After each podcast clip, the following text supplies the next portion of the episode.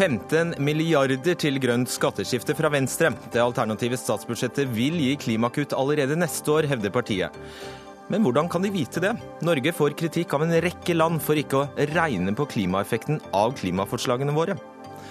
Moskeer i Norge styres av regimet i Iran og driver systematisk overvåkning av iranere i eksil i Norge, hevder ny rapport. Togene går som normalt, og regjeringen løste togstreiken. Så hvorfor kom ikke løsningen før togpassasjerene ble rammet? Og sunnhet til folket har alltid vært Kiwis viktigste budskap, men de bare måtte sette ned prisen på smågodt.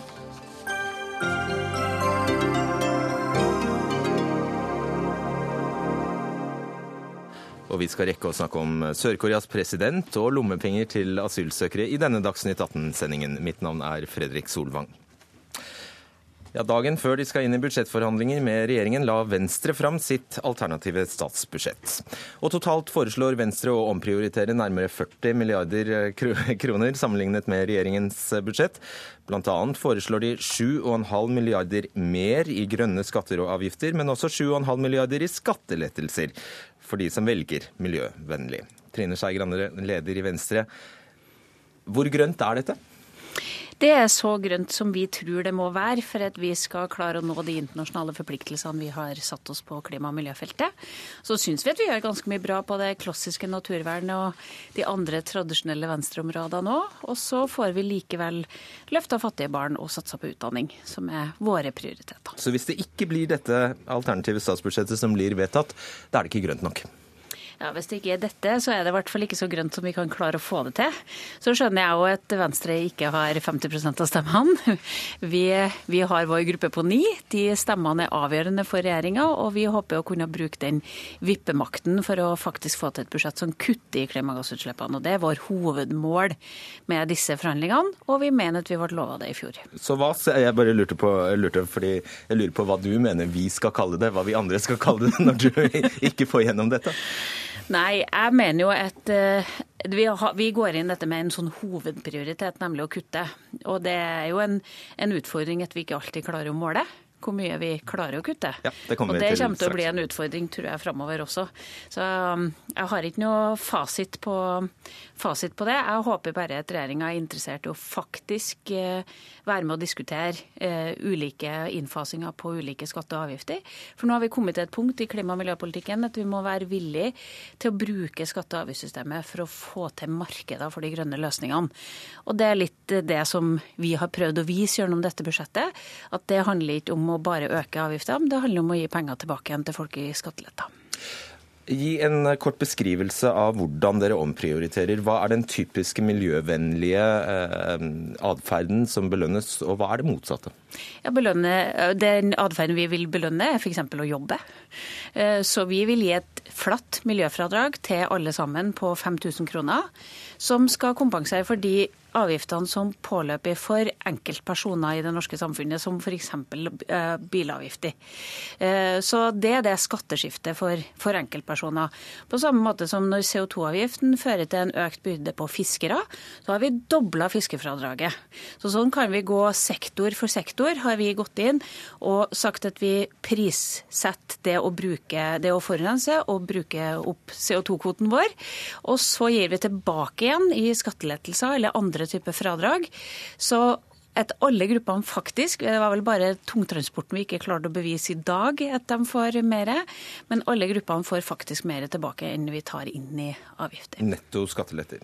I netto skattelette. Det håper vi å gjøre det litt lettere for Høyre og Frp å, å godta vår plan nå. Eh, vel, eh, dere har jo klart å nulle ut i avgiftslettene til eh, altså den milliarden det ble snakket om som bilistene fikk i netto skatte- og avgiftslettelser. Eh, hvorfor vil du deg selv så, så, vondt? Du skjønner jo at det ikke blir eh, fasit. Det er ikke sånn prinsipielt er ikke vi imot å endre f.eks. årsavgifta. Problemet det regjeringa gjør, er at de senker årsavgifta på fossile biler og øker den på elbiler. Det er det motsatte av det grønne skiftet. Så vi har nå tatt det tilbake igjen på fossile biler og tatt det ned på elbiler for å gjøre dem billigere. Og vi vil gjerne diskutere dette, men det vi beviser, det er hvordan du kan få et miljøfradrag på 5000 til alle norske borgere hvis du faktisk er villig til å bruke det rett over skatteseddelen til folk, i stedet for å prøve å sende tilbake igjen til de samme fossile bilene som regjeringa gjør, f.eks. med bompenger. Og jeg synes Det er en dum prioritering, for det å bruke pengene til bom, øh, få ned prisen på bompenger fører jo bare til at vi får mindre vei for pengene. Og Jeg skjønner ikke helt hvorfor det skal være en viktig motivasjon for Frp i regjering. Vi heier heller på å bygge noen smarte veier i distriktene istedenfor å sørge for at vi får mindre bommer. Og så hopper vi egentlig bare, Jeg tror ikke jeg orker å spørre deg om disse, diesel, altså veibruksavgiften og diesel- og bensinavgiftene. Det er en kjensgjerning at dere øker. Dere har ikke dere ventet det døve øret til at dette var et ultimatum, og så øker dere ytterligere. Ja, Vi har lagt frem et budsjett vi mener bra i sum. Men jeg har lyst til å spørre om, altså Dere har jo gjort en grundig jobb der. Det alternative budsjettet er på 133 sider. Det er en ganske tykk uh, lefse som, som, du har der. Så er det, og det er bare et enkelteksempel på de mange forslagene dere har. Dere vil altså eh, sette krav om nullutslipp på alle nye ferjeanbud. Mm. Faktisk fra 1.1.2017. Mm.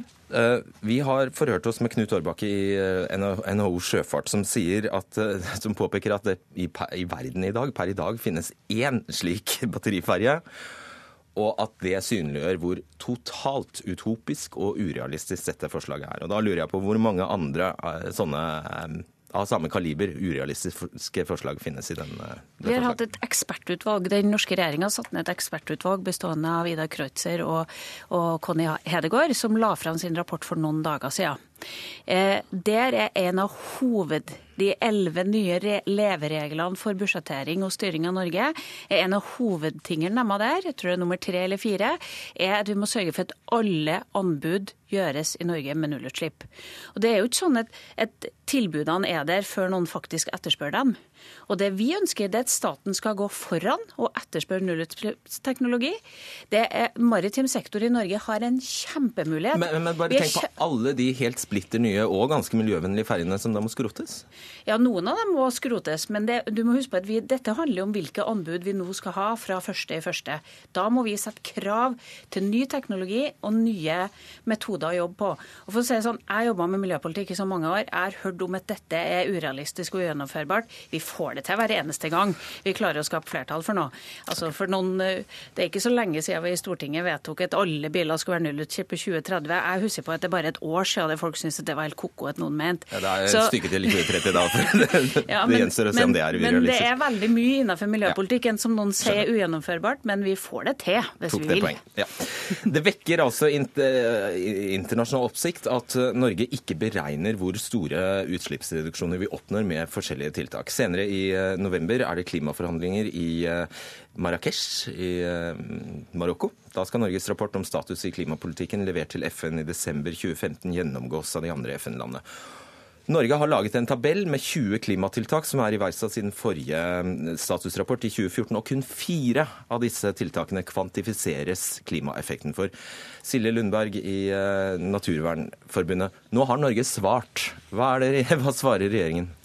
Nei, Det som man eh, svarer er ikke eh, veldig godt. Det man svarer er at man fortsatt ikke kommer til å tydelig kunne kvantifisere dem, men at man kanskje kan gjøre det litt bedre når det kommer til statsbudsjettene, enn det man gjør nå, for å se litt mer på hvordan utslippene faktisk eh, kuttes. Vi kan prøve litt om ja, noen år? Ja, man kan prøve litt, men man, men man, går ganske langt i å på en måte avvise at her, her, man kommer ikke til å greie å kvantifisere så mye utslippskutt i Norge. Er ikke det ganske utrolig? Altså, det var, unnskyld, jeg må bare uh, også si at det var jo selvfølgelig nå vi skulle hatt klima- og miljøminister Vidar Helgesen her for å forklare oss hvordan dette kan ha seg. Han viste oss til Høyres stortingsgruppe, der kunne heller ingen stille. Men er ikke det ganske utrolig? Jo, det er det. Eh, og det er jo det som eh, det er Og særlig så er det jo vanskelig da I dag så har vi jo en litt sånn situasjon, eh, parlamentarisk situasjon, kan vi si, hvor alle skal være grønne og fine, og så kan alle legge fram et budsjett og si sånn Se hvor flinke vi var. Um, og det var jo det regjeringa gjorde. De la fram et budsjett og så sa de dette er tidenes beste miljøbudsjett. Og så kutter det så vidt utslipp, og så greier man ikke å se hvordan det kutter utslipp. Men også da når regjeringa forsøker å vise hvordan deres budsjett kutter utslipp, er det jo ikke i nærheten av der som man må være. Og du er jo enda tøffere i trynet, Trine Skei Grande. Du sier til og med at dette vil, det er valgløftet, må nesten regne det som det, at dette, dette budsjettet her vil, vil, føre til klimagasskutt reelle i, i Norge. Kan, hvordan, kan du vite det? Nei, det er Problemet at vi ikke kan vite det. Vi skulle gjerne ha hatt et uh, tellesystem som har gjort at vi kunne faktisk kvalitetssjekke de politiske vedtakene vi kommer med. Vi prøvde, vi har vurdert å leie inn Cicero. Skal være helt ærlig, så hadde ikke Venstres stortingsgruppe råd. Men vi skulle gjerne ha hatt noen som hadde vurdert alt det. Vi er ganske sikre, og mange næringer svarer at dette, dette kommer til å bety en forskjell. Men da kan vi ikke måle deg heller? Nei, og jeg vil jo gjerne at vi skal måles. Jeg, jo, jeg tror jo at en av nøklene på å klare å få til en enighet om et budsjett denne høsten, handler om at vi faktisk kan måle. Og at det å lage et system for det er selve basisen på at vi kan si at vi oppnår det vi ønsker, nemlig kutt i utslipp. Ok, Bortsett fra at dere er så dyre i drift, da, Borgar og masse forskere i Cicero, hva er det som gjør at dette er så vanskelig? Det er vanskelig å regne ut òg, så vi, vi, har ikke alt datagrunnlaget. Det er ikke sikkert Trine hadde fått det hun ba om hvis, hvis, vi hvis hun kunne, kunne betalt? Vi kunne få rekna ut deler av det, men ikke totalen. Mm. Hvorfor er det så vanskelig? Det er massevis av effekter. Eh, jeg har lyst til å nevne det der med årsavgifta, for det prøvde vi å regne litt nøye på tidligere. Eh, og det at den ble kutta, kan føre til at det blir litt flere biler som blir kjøpt. At det blir kjøpt litt større biler med litt større drivstofforbruk. Og at vi får en sånn dreining fra bensin, diesel til elbil. Og alt det her fører til mer kjøring og mer drivstoff på lang sikt. Mm. Men så finnes det, når vi så på forskning her i Norge, så var det bare på det første punktet at vi fant tall og da kom vi fram til et spenn med alt mellom 20 000 og 120 000 tonn CO2. Sånn at ja, det, ting er rett og slett usikkert. Men hvordan kan man forske på utslipp hvis det, er, det skulle jo da nesten i prinsippet ikke være mulig å forske på det? Eh, hvis vi elektrifiserer hele bilparken, så er det ganske lett, for vi veit hvor store utslipp det er. Så Sånn sett så er det lett. Men av med sånne masse småtiltak så blir det vanskelig. Ja. Mm. Og Silje Lundberg, når sånt skal sies, Norge er ikke alene her? Nei, det er ikke Norge. Eh, men samtidig så er det liksom det det er viktig å skjønne Det er veldig mange av de landene som stiller spørsmål, som er altså EU, har ganske kritiske spørsmål til Norge. Eh, og så er det jo helt klart at altså, jeg skjønner at Trine og dem ikke har på en måte greid å regne ut det her de siste tre ukene, men det her er et ansvar som hovedsak ligger på regjeringa. Det er dem som må greie å vise hvordan eh, det går med utslippene, hvordan Eh, det kommer til å gå med utslippene med deres politikk. Og det tydeligste signalet har vi jo, for utslippene i Norge går jo opp. Så det er jo ganske tydelig at ting går i feil vei. Eh, sånn at da handler det om i så fall at du må gjøre mer enn eh, det som du kanskje tror kanskje vil nå utslippene. Og da er det verste som kan skje, at utslippene kuttes mer enn det man hadde tenkt. Og det er jo en positiv ting. Og Det hadde vel også vært en fordel om du kunne, hvis du skal, vil innføre et eh, ja, la oss si et litt kjipt restriktivt tiltak, og, og kunne fortelle velgerne eller, eh, eller, de som er der ute at dette, dette har effekt. Det, hvis du bare gjør dette, så har det en konkret effekt. Ja, og det, jeg tror det er vel lettere for alle å forstått de ulike tiltakene hvis vi kunne gjort det. Og noen land har jo systemer som vi må kunne adoptere. Men når energimeldinga har vært behandla i Stortinget, så var det en enstemmig merknad om et forslag om at i dette statsbudsjettet for 2017 skulle regjeringa Kom med et system for måling av utslipp. Det ser de nå at de ikke klarer til statsbudsjettet. De må komme til perspektivmeldinga. Jeg jeg skal innrømme at jeg har ikke snakka mye med statsministeren siden budsjettet ble lagt fram, men jeg har hviska i øret at dette er et arbeid jeg har kommet til å ha brukt litt tid på eh, fra regjeringa si tid, for at vi skal helt tatt klare å ha en budsjettprosess som fører oss i mål. Og, og forskerne finnes der? Ja, og mye av datagrunnlaget eh, finnes der. Så vi jo eh, stusser litt på hvorfor det ikke blir gjort. Hør, hør, Vidar Helgesen, hvis du er der ute. Politisk kommentator i NRK, Magnus Takvam. Takam. La oss ta tak i det siste her. Ja, Når Venstre sier at dette blir dette budsjettet vedtatt, så, som, så vil vi få ned klimagassutslippene som et valgløfte å regne. Da, er du enig i at det er et problem da at vi ikke har noen mulighet for å ettergå dem? Ja, Det er klart. I hvert fall ikke i detalj. Man kan kanskje peke på en retning og sannsynliggjøre at det vil føre til utslippsreduksjoner. Men de som husker presentasjonen av statsbudsjettet eh, i 6.10, la jo merke til at Siv Jensen ikke klarte å svare på hvilken effekt hennes eh, avgiftstiltak og grønne tiltak eh, hadde i budsjettet. Og det er klart at for å ha en legitim miljøpolitikk, for at folk skal akseptere det, hvis det etter hvert også kommer til å koste og liksom ikke bare være eh, skal vi si, gulrottiltak, så, så må man eh, sannsynliggjøre for folk at de tiltakene man ber dem om å gjøre, faktisk virker. Mm. I går la KrF fram sitt alternative budsjett. I dag er det Venstres mm. tur. Er det noen rød tråd? Altså, eh, Det er to helt forskjellige tilnærminger hvis vi snakker om det grønne, såkalt grønne skiftet, som er blitt et moteord. Eh, Venstre har, som dere har vært inne på, gjennomført et totalt skifte med å innføre ganske svære avgifts- og miljøavgiftsøkninger, eh, men da betale det tilbake både i form av et miljøfradrag for den enkelte skattyter og innenfor hver enkelt sektor, som fiskeri, landbruk osv. Mens KrF riktignok øker eh, en god del miljøavgifter, men heller bruker det til å finansiere sine velferdstiltak, barnehage, skole osv. Så videre. sånn at miljøpolitisk så skiller jo Venstre seg ut. Eh, så, så, de må rydde opp litt seg imellom når de skal sette seg ned og forhandle og eh, slik de selv har erklært det, være sammen. Altså at uh, sentrumspartiene forhandler på en måte i fellesskap med, regjeringspartiene. Som jeg sa, så nekter jo da eh, både, både Venstre og KrF å, å, lytte til det som ble oppfattet som et ultimatum, og de legger seg høyere på akkurat denne bensin- og dieselprisen. Eh, hva kommer til å skje? Altså, Man må jo sette seg ned og forhandle. Så, men jeg, altså, Høyre, Frp, særlig Frp, det skjønner alle, har prøvd å kommunisere en slags smertegrense for hva partiet, stortingsgruppa osv. kan akseptere på på eh, avgiftsfronten. Men da taper du jo ansikt, da, hvis eh, løsningen ligger nærmere KrF eller Venstre? Ja, ja, så Får du en løsning her, så tror jeg begge, ingen av sidene vil kunne innkassere en, en uh, rein seier. Det, det vil måtte være gi og ta. Men jeg tror at også Frp er innstilt på å finne fram til og Høyre da, for så vidt, tiltak innafor dette feltet som i hvert fall kan muligens føre til, til en avtale. Det er, eh, det er ting som, som er eh, ja, CO2-fond for tungtransporten f.eks., som, som alle er tilhengere av. Det er å finne en form på det. Det har regjeringen signalisert at den kan være tilhenger av. Dette med offentlige anskaffelser, f.eks. ha miljøkrav på offentlige anskaffelser. Gjøre det bill... Hæ? Sånn som ferjer. Ja, blant annet. Og biler og, ja, og, og så videre. Så det er politisk vilje. Men jeg det er ikke å, å, ta for hardt i å si at det blir tøft. Og ingen, ingen vet om det blir en eh, avtale eller en eh, krise i den andre enden. Jeg tror vi bare ønsker lykke til, ja. Takk skal dere ha, eh, Trine Skei Grande. Eh, skal vi se, Borgar Åmo, Silje Lundberg og Magnus Takland.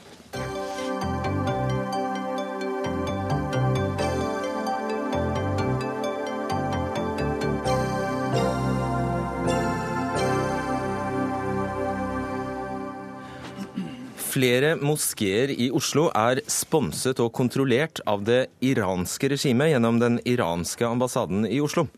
Moskeene driver aktivt med kartlegging av det eksiliranske miljøet og spionerer på iranere i Norge. Ja, Det kommer fram i en rapport om Oslos moskeer som du, Masud Ebrahim Nejad, har utarbeidet for den flerkulturelle avisen Utrop.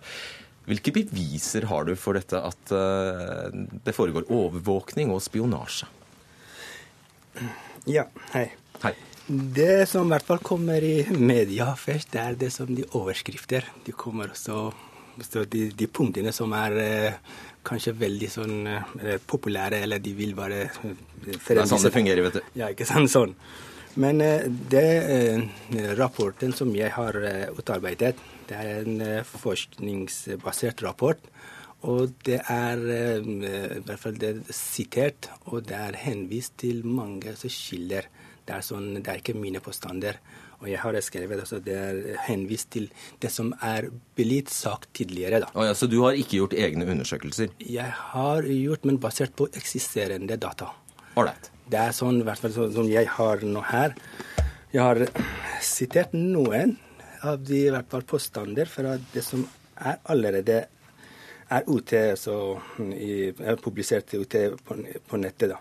F.eks. det er noe om organisasjonen Ahlol Beit, også om eh, Det er spionasje og det er sånne ting. Det er alt det står kilder som hvem har sagt, og hvor jeg har hentet Så du har åpne kilder på internett for påstandene? Ja. Ok. Uh, ja, et, et, spørsmål til uh, før vi gir ordet videre. Hvilke, hva bruker angivelig iranske myndigheter denne informasjonen til? Det, ifølge de i hvert fall eh, informantene, eller de kildene som jeg har uh, hentet Eh, allerede. Altså det er de bruker for å eh, overvåke eller kartlegge sånn eh, eksilopposisjonsmiljøene i Norge.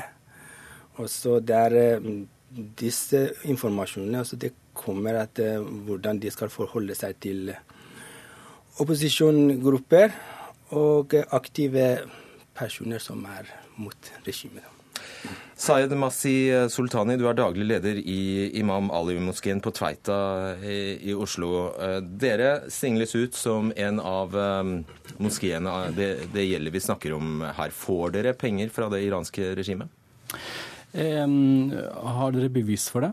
Nei, jeg spør deg. Får dere penger fra det iranske regimet? Selvfølgelig ikke. For, hvor får dere pengene fra, da? Eh, vi, har, vi får selvfølgelig en del penger fra staten. Eh, iranske, norske stat, faktisk, og ikke iranske. Og det er jo helt vanlig. En eh, støtte som alle trossamfunn får fra Norge. Hva sier du til disse påstandene om at uh, det foregår overvåkning og spionasje? Eh, som min venn eh, Masud har sagt, han eh, henvender den tilbake til en rapportasje fra NRK som, eh, som egentlig mm, denne rapporten har blitt klaget inn i PFU. Og dere vet vel hva det er. Og et flertall har avvist påstandene. Og NRK selvfølgelig har blitt bedt om å eh, informere videre at det har ikke vært riktige påstander. så nå vil jeg gjerne spørre først og fremst NRK, har de gjort det eller ikke? Hvis de har gjort det, så hvor eh, min venn Masud har hentet de informasjonene fra? Jeg vil også bare i forhold til finansiering bare henvise sånn direkte på en av de avsnittene som jeg har skrevet i rapporten min. Fra NRK? Nei, det er ikke den der, men jeg, som generelt. Det som er fra NRK, det ligger her.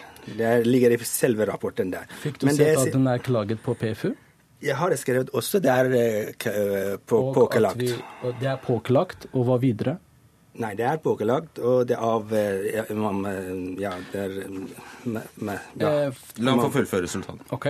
Ja. Men jeg vil i hvert fall få lov å si det. Jeg sier min, Det er hoved, eller poenget eller som funn på den forskning som jeg har gjort, det er at moskeene har Alle moskeene, da, inkludert også Imam Ali moské, da.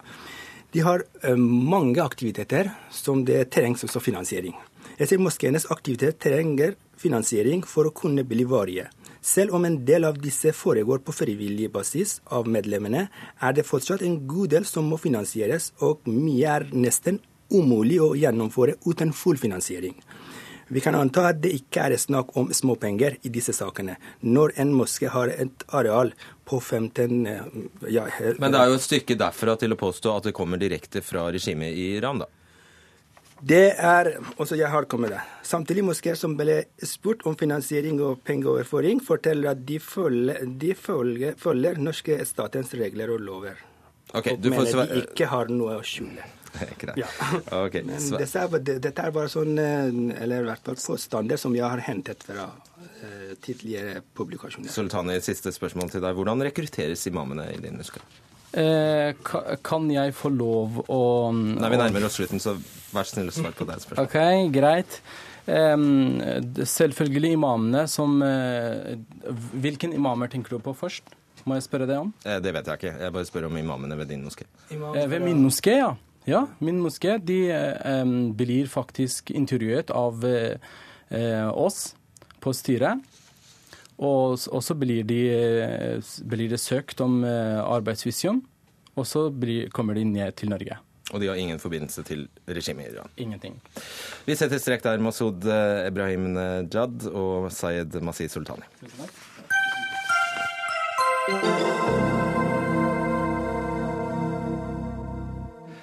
Den fem uker lange togstreiken er over. Fra i dag skal togene gå som normalt, melder NSB.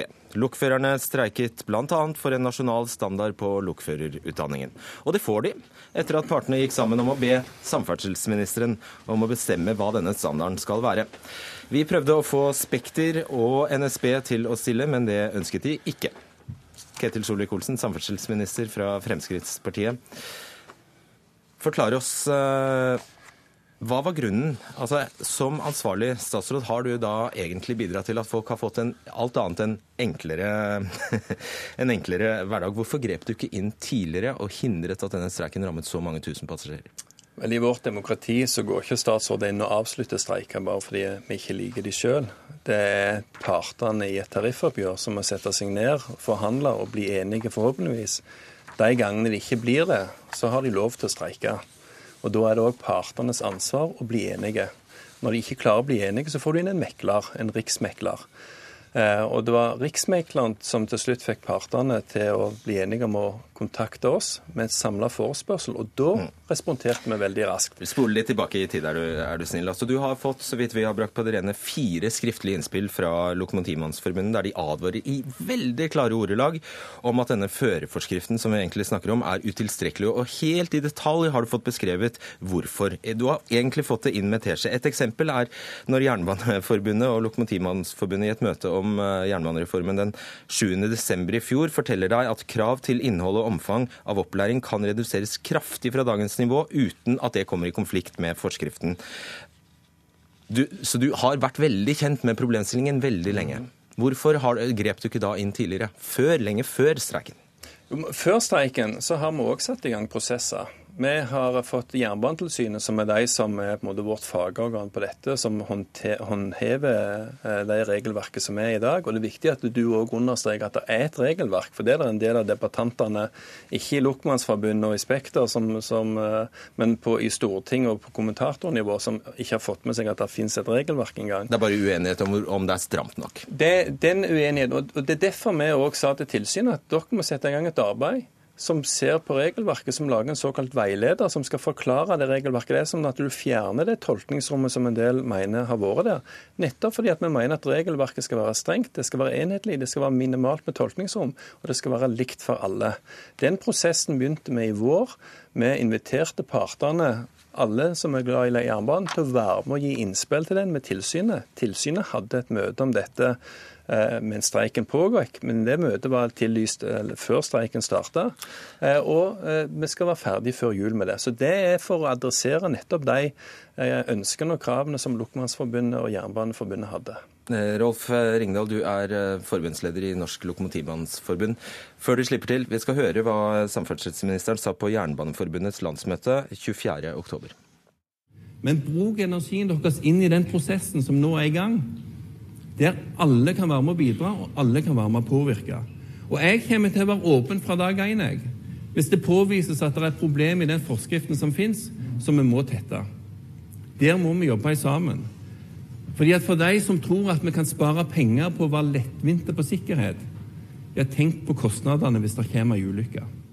Rolf Ringdal, dette er fire dager før du kaster landet ut i en uh, togstreik. Hva er det du hører han si her? Ja, dette var vel under uh, streiken, men uh, eh, 24. oktober har jeg notert at det skjedde. Det, det, det, det er for ei drøy uke siden på Jernbaneforbundets møte. Men vi har òg sagt tilsvarende ting tidligere. Men ok, her, det var det en grei korreksjon. Her har du verbal dokumentasjon på at vi har invitert. Døra mi har vært åpen for å diskutere ja, dette. Right, men hva er det han sier her, da? Ja, Det han eh, sier her, er at eh, han tar imot innspill. Og eh, det har statsråden vært veldig tydelig på at han gjør. vi har vært like tydelige på at vi har levert inn innspill. Vi har, som programlederen nå nevnte, levert inn, inn, minst fire skriftlige innspill. Og vi har også tatt opp dette i de møtene som statsråden og dep hans departement har innkalt i forhold til bl.a. jernbanereformen. Og hvorfor ikke da vente på denne forskriften og se hva som hvert med på det arbeidet og sett hva som eh, skjedde, i stedet for å politisk markere, markere en motstand mot en jernbanereform du ikke vil ha? Nei, men dette, dette, dette kravet om kompetanse dreier seg ikke først og fremst om jernbanereformen.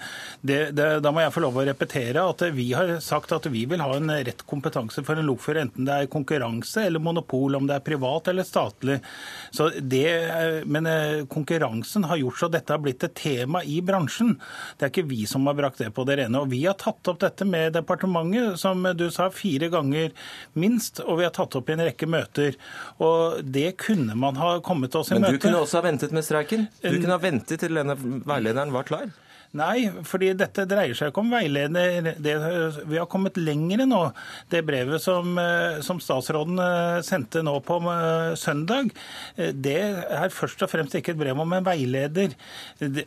Den veilederen, den tar jo opp til opp, Hvorfor tok ikke du opp telefonen og ringte, ringte Ketil Solvik-Olsen før streiken og sa du, jeg ser du jobber med en veileder, men det er faktisk ikke nok. Hvis du vil forhindre den streiken, gi meg en ny forskrift. Den, den informasjonen og den veilederen fikk vi kvelden før meklingen. Det vi har gjort er ja, Men du visste det var det de jobbet med? Nei, vi har også nå må jeg få lov å få fullført. For vi har, vi har vært veldig tydelige på dette her med hva som må til, og at det må til en endring av forskriften. En veileder til en forskrift som ikke er tilfredsstillende, det er ikke bra nok. fordi da, Du må da gjøre noe med forskriften, og det er det vi nå er fornøyd med at departementet faktisk har kommet på bane og gjort. Det var det Riksmekleren okay. kom på en idé, at nå har vi faktisk fått en, en eh, forpliktelse fra du departementet. Du kunne ikke ha kommet på den ideen selv. Hvorfor måtte du sitte og vente på at Riksmekleren skulle komme på den ideen etter fem uker? Jeg tror nok lytterne som har hørt eh, meg og våre representanter har vært veldig tydelige på at dette kunne vært løst på forhånd av politisk myndighet, og vi har gitt råd om det. Men det jeg nå ønsker å si, er at nå har vi i hvert fall fått en forpliktelse på plass. Det var nå den kom. Og det ønsker jeg i hvert fall også si at det er, er vi fornøyd med. Så nå er det, det er veldig viktig at vi får fram både for eh, brukerne av toget og de, ikke minst de som skal utdannes i framtida som lokførere. Du skal, bare, skal bare høre Erna Solberg fra spørretimen 12.10 først. Dette spørsmålet er ikke et spørsmål om hva, det er ikke en streik om hva staten skal gjøre. Det er en streik om hva som skal tariffreguleres. Og det har altså ikke myndighetene noe som helst med. Og det bør også Stortinget i respekt for trepartssamarbeidet ikke blande seg inn i. Oh, the irony. Og så gjør du akkurat dette, Ketil Solvik-Olsen? Ja, fordi at vi fikk en felles henvendelse fra begge parter. Og det er jo helt naturlig. Streikeretten den er etablert i Norge, og jeg har ikke tenkt å endre på den. Men når begge parter gjennom riksmegler kommer og sier at det er et felles ønske og det jeg tror Har ikke du et overordnet ansvar for togpassasjerene, og ikke jo. sånne formaliteter som dette her? Nei, Det du ber om da, er jo en full diskusjon om, om skal statsråder sitte med bordet i enhver konflikt for å sørge for at vi òg blander oss inn i dette. Det tror ikke jeg Du har lagt en lapp under døra og sagt jo, 'her er jeg'. Men det, det, er jo nettopp det du spilte av nå. Det skjedde altså under togstreiken på Jernbaneforbundets årsmøte. Og jeg brukte fem minutter av min tale på 15 minutter til å snakke om hvordan min dør står åpen hvis de har eh, ting om sikkerhet. Men jeg kan ikke blande meg inn med mindre de inviterer meg. Og til slutt fikk jeg invitasjon, og da rydda vi det opp i det på et par timer. Men du kan tilsvarende finne den samme invitasjonen på Kveldsnytt den 17. oktober. Du kan finne det i muntlige situasjoner i tiden før. Og sånn som, Det er helt riktig sånn som Loppmannsforbundet sier, de har spilt inn behovet for et regelverk som er utvetydig. Og vårt svar på det var å få Jernbanetilsynet til å jobbe med de Og det var ikke nok? Nei, men jeg har òg sagt at hvis det avdekkes hull i forskriften i det arbeidet, så skal vi være med å endre forskriftene. Men vi kommer altså ikke til å bli ferdig med det før de satte i gang streik. så hvordan kunne du vippe opp et brev da i femte uke som løste det hele? Fordi at da fikk vi felles, eh, en felles henvendelse fra de streikende partene gjennom Riksmegler. Det endrer jo ikke det prinsipielle at du, du og Erna Solberg sier at dere kan ikke bidra til en løsning? For, nei, for, fordi at det første, Streiken begynte med at de krevde at i tariffen med NSB så skal det være et krav. Og Da er det en sak mellom NSB og Lokmannsforbundet. Og så, etter å ha prøvd mange ulike spor, ifølge Riksmegleren, så ble de enige om OK, la oss droppe det fra tariffen mellom NSB og Lokmannsforbundet. La oss se om vi heller kan få et svar som ivaretar det samme ønsket fra starten. Og da eh, kvitterte vi det ut med en gang. Og som nevnt, med min dør hadde Ja, kommunisert, sto åpen i lang tid. Og nå når de brukte den, så fikk de svar med en gang. La, la oss prøve å la oss snakke litt om, om hva denne nasjonale standarden egentlig innebærer. Um, Rolf Ringdal, hva er det dere har fått? Ja, Vi har fått en nasjonal standard for lokførerkompetansen. Vi har fått en forpliktelse fra departementet som sier at man skal ta utgangspunkt i det som i dag er virkeligheten, nemlig det et pedagogisk opplegg på en eksisterende fagskole. Og man Norsk skal- jernbaneskole. Ja, norsk jernbaneskole, og man skal ta utgangspunktet i læreplanen der. Man går også konkret inn og sier at det er de og de paragrafene som skal tydeliggjøres, og viser til de og de vedleggene som omhandler dette som gjelder sertifisering av lokførere. Men jeg må få lov å kommentere det som er blitt sagt her nå. fordi vi har påpekt det i over et år vi, at eh, forskriften er ikke god nok. Den må endres. Den må konkretiseres. Dette kunne departementet ha gjort. Da er det sånn at vår arbeidsmåte da som fagforening, når ikke man får regulert ting inn i regelverket, så kan man regulere dette i tariffavtaler. Det har man gjort i norsk jernbane i over 100 år, faktisk. Eh, og sånn ok. sett, ja, men det må jeg få lov til å fullføre det- resonnementet Ja. der. Fordi da er vi nødt til å kreve det inn i tariffavtalen. Vi har hele tiden ment at dette skulle være et myndighetskrav. Men, Men du kunne ikke ha innrømmet det, for da måtte du ha gått til en ulovlig politisk Nei, streik. nei, fordi nei, kravet vi- egentlig retter seg mot regjeringen nei, har, og ikke NSB. Vi har fått gjennomført dette her i godstogselskap, vi har gjennomført dette her i Flytoget. Og, og det er vår måte nå for å få pressa fram en endring i forskriften, og det har vi fått til. Og den imøtekommelsen har Solvik-Olsen kommet. La oss, se om det, la oss se om dere er enige om hva denne standarden skal være. Ketil Solvik-Olsen, stemmer. Er du enig i at denne standarden skal nedfelle detaljerte krav til innhold og omfang av sikkerhetsopplæring, legge til grunn de samme læreplanene som finnes ved Norsk jernbaneskole, og det samme pedagogiske opplegget og læringsmålene? Er du enig i det? Ja, så i, I det som de ber om, så er det å spesifisere og utdype og tolke tydeligere eh, paragraf 18 og paragraf 21, og så er det vedlegg 5 og vedlegg 6. Hvis en slår opp i førerforskriften, og det var viktig å for en del av de som har vært i debatter her, har gitt inntrykk av at det ikke finnes et regelverk. Det er et ganske omfattende regelverk. Men så er det altså rom for tolkning som Ringdal syns er uheldig. Det hører jeg han sier, og derfor skal vi jobbe med det. og det det er der jeg bare også må få si at Den prosessen hadde vi i gang. Så syns gjerne Ringdal det ikke gikk fort Ja, men nok. Men, Men, men vi skal uansett komme i mål med det før jul, det vi hadde satt i gang. Og så vil det nok gjerne ta litt mer tid for at vi skal komme i mål med alt. Men jeg mener at vi må samarbeide om dette, sånn at vi sørger for at alle som skal jobbe på, på eh, jernbanen, er trygge på hva reglene er, hvordan de skal tolkes. At det ikke kommer som en overraskelse når tilsynet kommer og påpeker at regelverket er sånn og sånn. Vil du gå I- konkret inn og endre disse paragrafene i forskriften som gjelder sertifikatdelen? I, i, eh, I vedlegg 5 og vedlegg 6, som omhandler hva en lokfører skal kunne, hva en skal sjekke på toget, hva en skal gjøre mens toget er i bevegelse, alt dette, så må vi sammen nettopp med Lokmannsforbundet, NSB og tilsynet sette oss ned og se hvor er vi enige om at det som står er godt nok, og hvor må vi spesifisere tydeligere det som Dere er jo ikke enige. jo, det er jo det jeg sier. Nå, nå skal vi ha en prosess sammen. Nettopp for å si hva er det som må bedres for at alle Nå skal dere ha en prosess for å se hva dere er enige om. Nei, nei. For å gjøre den jobben som vi har fått en bestilling på, eller et ønske på, og kvittert ut, at det blir vi gjerne med på. Og Det er jo da vi skal komme ut av denne runden og si at da betyr at da får du den og den endringen, den og den eh, eh, oppstrammingen. OK, Ringdal. Ja, Solvik-Olsen her er jo selvfølgelig en dyktig debattant, og han er en dyktig politiker. og Han er flink til å snakke for seg, men akkurat her hadde det nok vært en fordel å bruke litt færre ord og blitt litt mer konkret. For det vi er blitt enige om, og det vi har fått en lovnad fra eh, departementet, som jeg regner med at Solvik-Olsen nå vil bekrefte, det er at det skal utarbeides en nasjonal standard.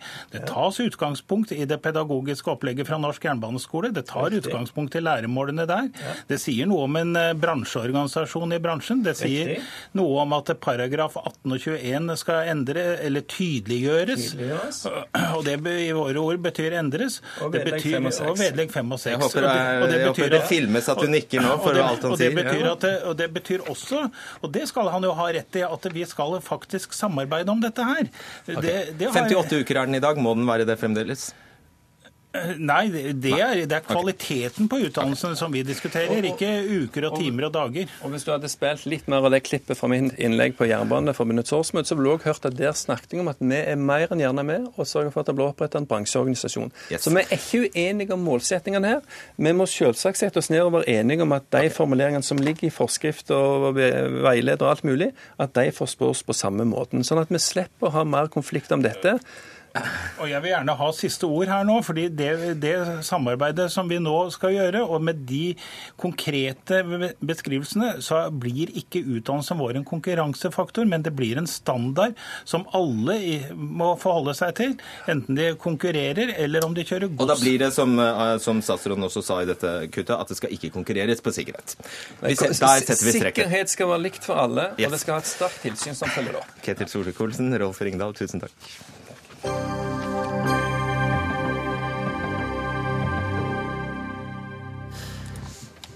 Over til noe helt annet. Kiwi-kjeden har profilert seg sterkt på å være det sunne alternativet i krigen mellom matvarekjedene.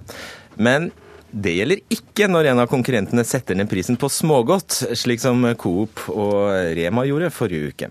Kiwi bare måtte følge etter, sier de til Aftenposten i dag.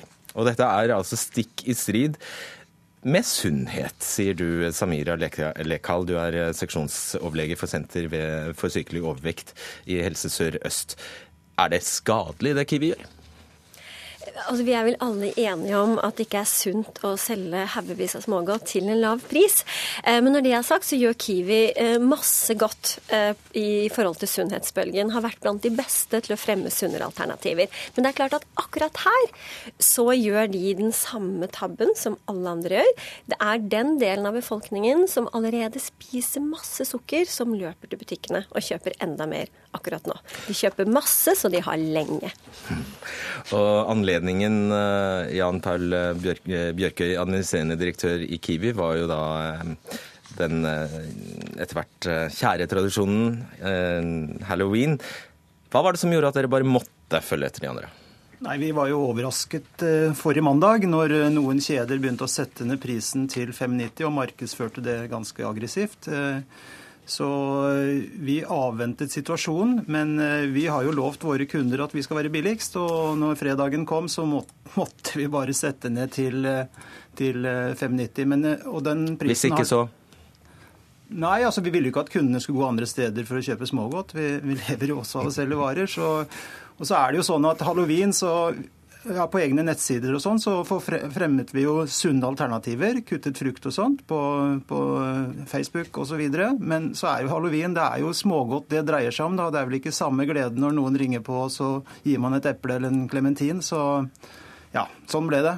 Men det var et dilemma. Ja, det var det. Ja, Ja. Eh, Det er godt å høre. Eh, Du, du utdyp dette her med at det er kanskje de som trenger det aller minst, som løper først. Ja, altså vi, vi vet jo at FEDMA, fedme, spesielt hos barn og unge, er veldig relavert til sos sosioøkonomisk klasse. Og vi vet også at eh, det er de lavere sosioøkonomiske klasser som er mest opptatt av pris. Og vi vet at det er de som kjøper aller mest når det er denne her type tilbud. Eh, og sett i lys av det, så tenker jeg at det er ordentlig ille at vi nå har en situasjon i Norge hvor vi gjør det mulig at man kan hamstre enorme mengder godteri. Eh, til en billig penge, som gjør at man ikke bare har godteri lenger, men spiser også veldig mye mer. Men alle barn går vel, selv om de, uansett om de er tynne eller tykke, går vel trikset ned? Og det er jo ikke hva som skjer akkurat den ene dagen, men vi vet at de to største utfordringene knyttet til barns kosthold i Norge, men også i resten av verden, er for lite frukt og grønnsaker, som jo Kiwi har gjort en kjempeinnsats på, men så er det også for mye sukker. Og her er det da dessverre sånn at også Kiwi bidrar til å, å gi oss en dytt da, som gjør at vi spiser langt mer sukker enn vi må, og ikke bare på halloween. Jeg, tror det er viktigere det vi gjør de 362 andre dagene i året enn de tre dagene vi nå satte ned prisen. Så, og vi satser veldig hardt på frukt og grønnsaker. Startet en skikkelig kampanje nå ved årsskiftet med Kiwi Pluss. Og har en kraftig vekst på frukt og grønt. Vi har bygd om alle butikkene våre med å sette frukt og grønt foran i handlerunden og brukt mye mer plass til frukt og grønnsaker. I fjor hadde vi en vekst på 20% i år har vi en vekst på 13 så, Og salget av sunne varer, det øker. La oss høre hva dere sier i reklamen. Smil til 2016. Velkommen etter, Rema. Når Rema kutter prisene på frukt og grønt, kutter Kiwi tilsvarende. I tillegg får Kiwi Pluss-kunder 7,5% bonus på all fersk frukt og grønt. Derfor vinner Kiwi-kunder uansett.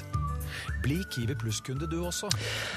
Ja, og det, det, dere skriver på hjemmesiden er at Kiwis uttrykte mål er å gjøre sunn mat billigere. Konkurransen om å være billigst er hard. Kutter én prisene, følger gjerne andre etter. Derfor kan ikke Kiwi alltid garantere å ha de laveste prisene.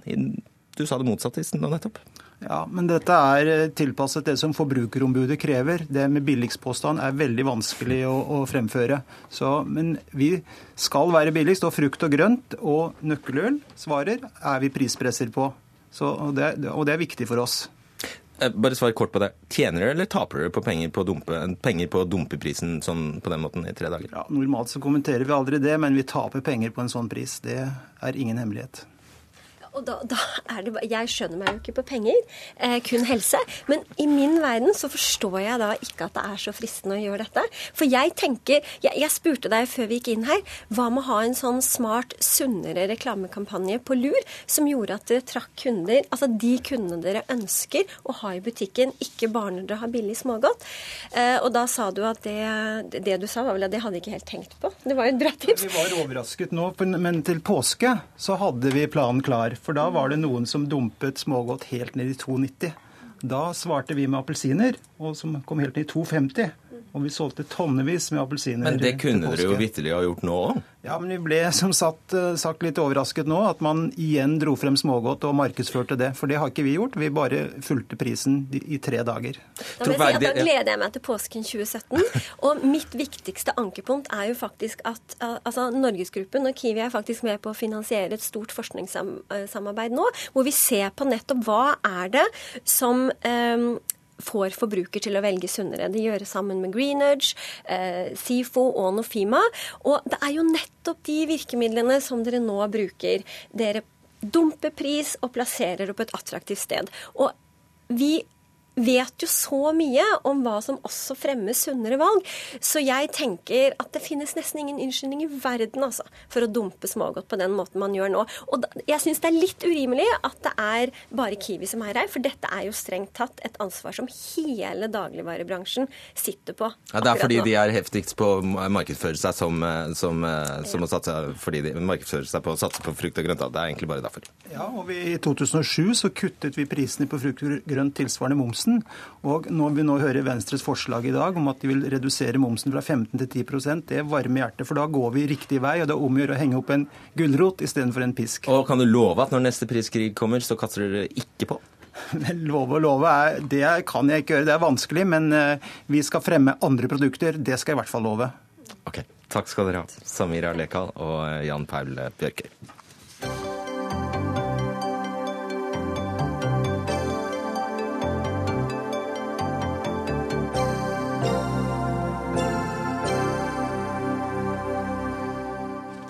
Fra neste år blir det slutt på lommepenger for asylsøkere. Jeg vet du kommer til å korrigere meg, men eh, vi kommer til nyansene etter hvert, eh, statssekretær.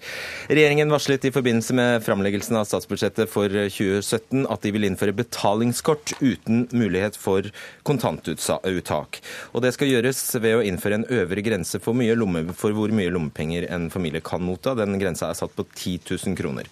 Arnfinn Nordbø, du er regionsjef i Hero, som da er Norges eh, største asylmottaksdrifter.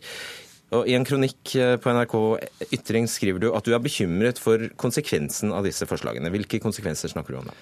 Altså, Vi frykter at det vil hindre integrering, at asylsøkere ikke får lenger ha kontanter. og at eh, de Eh, altså Man er ikke helt klar over, tror jeg, hvordan utbredt kontanter er for asylsøkere. De løser det gjennom å hjelpe hverandre når de mangler medisiner, når de ikke har nok penger til mat.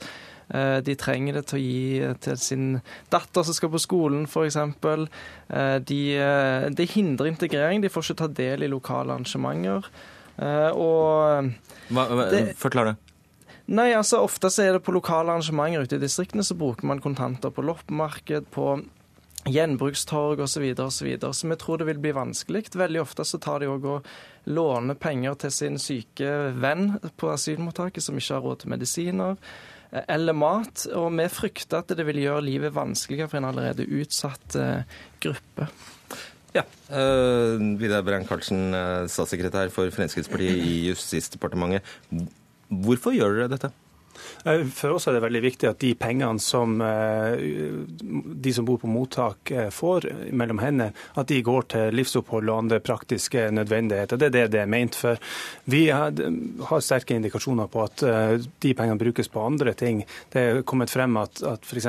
de som er enslige mindreårige og kommer hit, føler et sterkt press til å sende de her pengene, og mye av det, hjem til familien sine i hjemlandet. Får de så mye penger? Ja, det, det, er jo et annet tema som Nordbø her har tatt opp. Men det er i hvert fall, det, pengene brukes på det òg. Og i tillegg eh, noen som har gjeld til menneskesmuglere etter en lang og farlig ferd, som er dyr.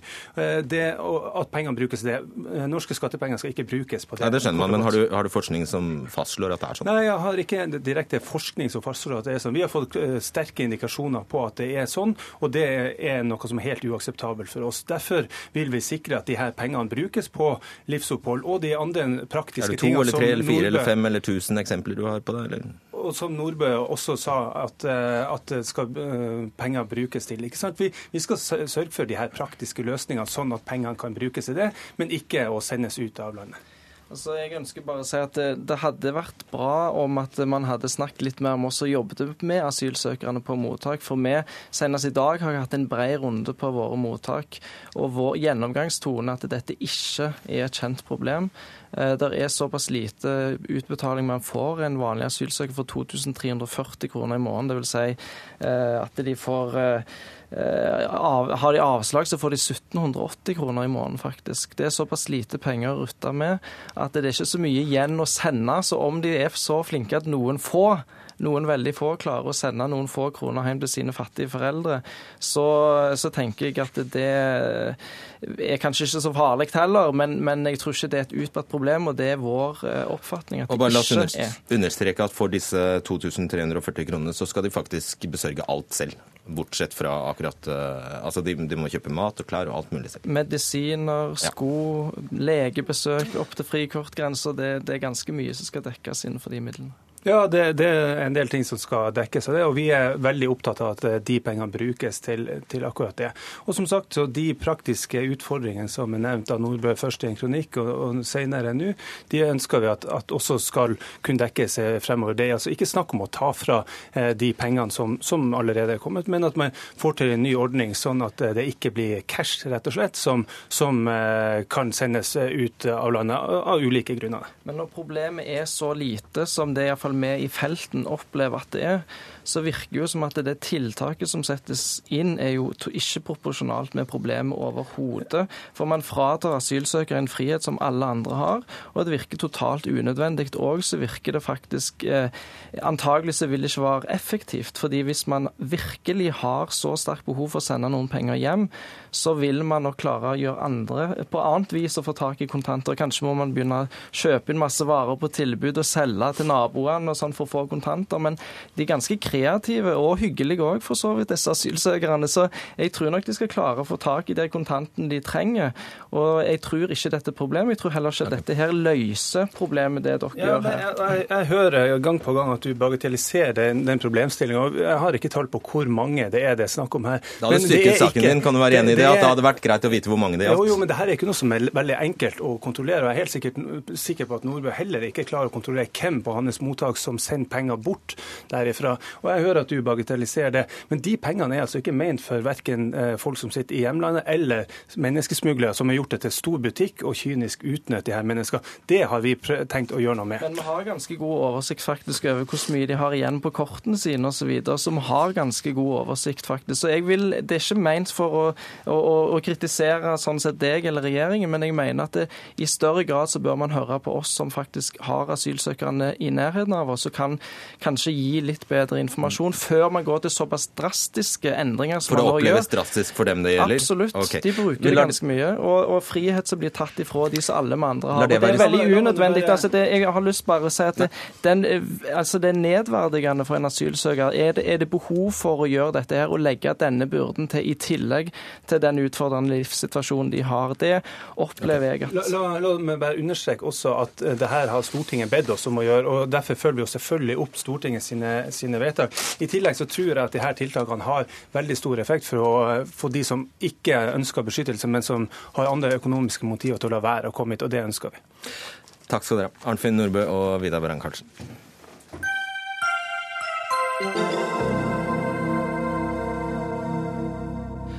Vi hører jo stort sett om Nord-Korea, men den, denne gangen er det Sør-Korea som opplever en oppsiktsvekkende, må man kunne si, politisk skandale. For bråket rundt den sittende presidenten Park Geun-hye bare vokser og vokser. Og denne helgen tok rundt 10 000 sørkoreanere til gatene med sinte tilrop og plakater. På, av, på flere av plakatene sto følgende påskrift Hvem er Park Geun-hye? Uh, ja, nyhetssjef i Dagbladet og Sør-Korea-ekspert uh, Sun Heidi Sebø, hvem er hun? Hun er landets første kvinnelige president. Hun er datter av landets diktator gjennom 18 år. Hun er inne i sitt siste år som president, og nå er hun i trøbbel. Mm. Og egentlig dreier denne skandalen seg om en annen person, nemlig Choi Sun-sil. Hvem er det? Det er en 60 år gammel forretningskvinne. Um, hennes far igjen var veldig berømt. Han var en litt sånn mystisk og omstridt sektleder. Og det som er på det rene, er at det var veldig tette bånd mellom eh, Park-familien og Choi-familien. Og det går bl.a. på at eh, denne sektlederen, Choi, skal ha vært en slags mentor for eh, Park da hun var ung og hadde mistet sin mor. Så han skal bl.a. ha påstått at han kunne kommunisere med hennes døde mor. Og Hva består skandalen av nå? Skandalen består i at uh, journalister i et TV sørkoreansk TV-selskap um, på mystisk vis kom over en gammel PC som tilhørte denne Choi, eh, som var på et gammelt kontor. og på den eh, PC-en så lå det 44 dokumenter som inneholdt taler, utkast til taler som Park har holdt, og hvor det framgår ganske tydelig at Choi har hatt en veldig stor rolle i liksom, både Nord-Korea-politikk og tal, viktige taler hun har holdt. Da. En spåkone? Ja, hun framstilles jo nå som en sånn mystisk Rasputin-lignende skikkelse som eh, ja, uten politisk klarering eller noe har fått lov til å eh, ha tilgang på hemmelige dokumenter og ja. Ja, og Foreløpig så har eh, reaksjonen fra presidenten vært å sparke rådgivere. Har det hjulpet? Jeg tror ikke det kommer til å hjelpe. Um, en ting er jo at Choi har fått tilgang på veldig mye politiske uh, anleggender. Men hun har jo også um, skaffet seg veldig mye penger pga. det her. Hun har uh, tvunget gjennom store pengegaver til to um, stiftelser som hun kontrollerer, og det er ganske klare tegn på at pengestrømmene har gått til Tyskland, hvor de bl.a. har kjøpt seg et hotell i Frankfurt og sånt. Ja. ja, og Nepotisme er ikke noe nytt i sørkoreansk politikk og samfunnsliv. Det gir landet, egentlig? Ja, det gjør det. Eh, og det som jeg tror er ganske lett å glemme, er at det er et ungt demokrati. Um, forrige diktatoren ble avsatt i 1987.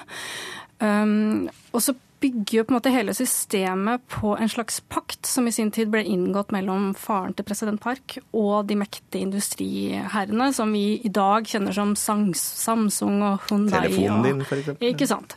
Og de styrer egentlig hele samfunnslivet. Mm. Uh, ja, Når er det valg neste gang? Det er valg om et år. Um, og med tanke på at uh, president Park har gjort seg så upopulær, hun klarer ikke å gjøre noe med arbeidsledigheten. Um, hun håndterte den ferjekatastrofen i 2014 veldig dårlig. Um, det opprørte jo sørkoreanerne veldig. Um, og så har hun nå i tillegg Hun, hun framstår som en veldig svak leder. Um, og hun klarte også i forkant av denne skandalen og fremme et forslag om å forlenge presidentperioden. Og det er jo veldig kontroversielt da, når hun bærer eh, parknavnet. Siste, altså, dette går vel neppe ubemerket hen i Nord-Korea? Nei.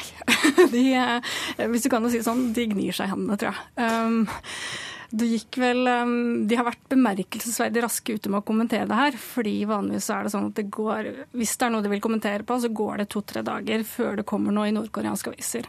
Her var de på pletten dagen etter og sa at dette er eh, de facto kollaps av det sørkoreanske regimet. Yes. Ja. de, ja, de har det ikke med å holde igjen, da, eh, verbalt, nordkoreanerne. Men Nei. Eh, tusen takk skal du ha, Sunn Heidi Sebø.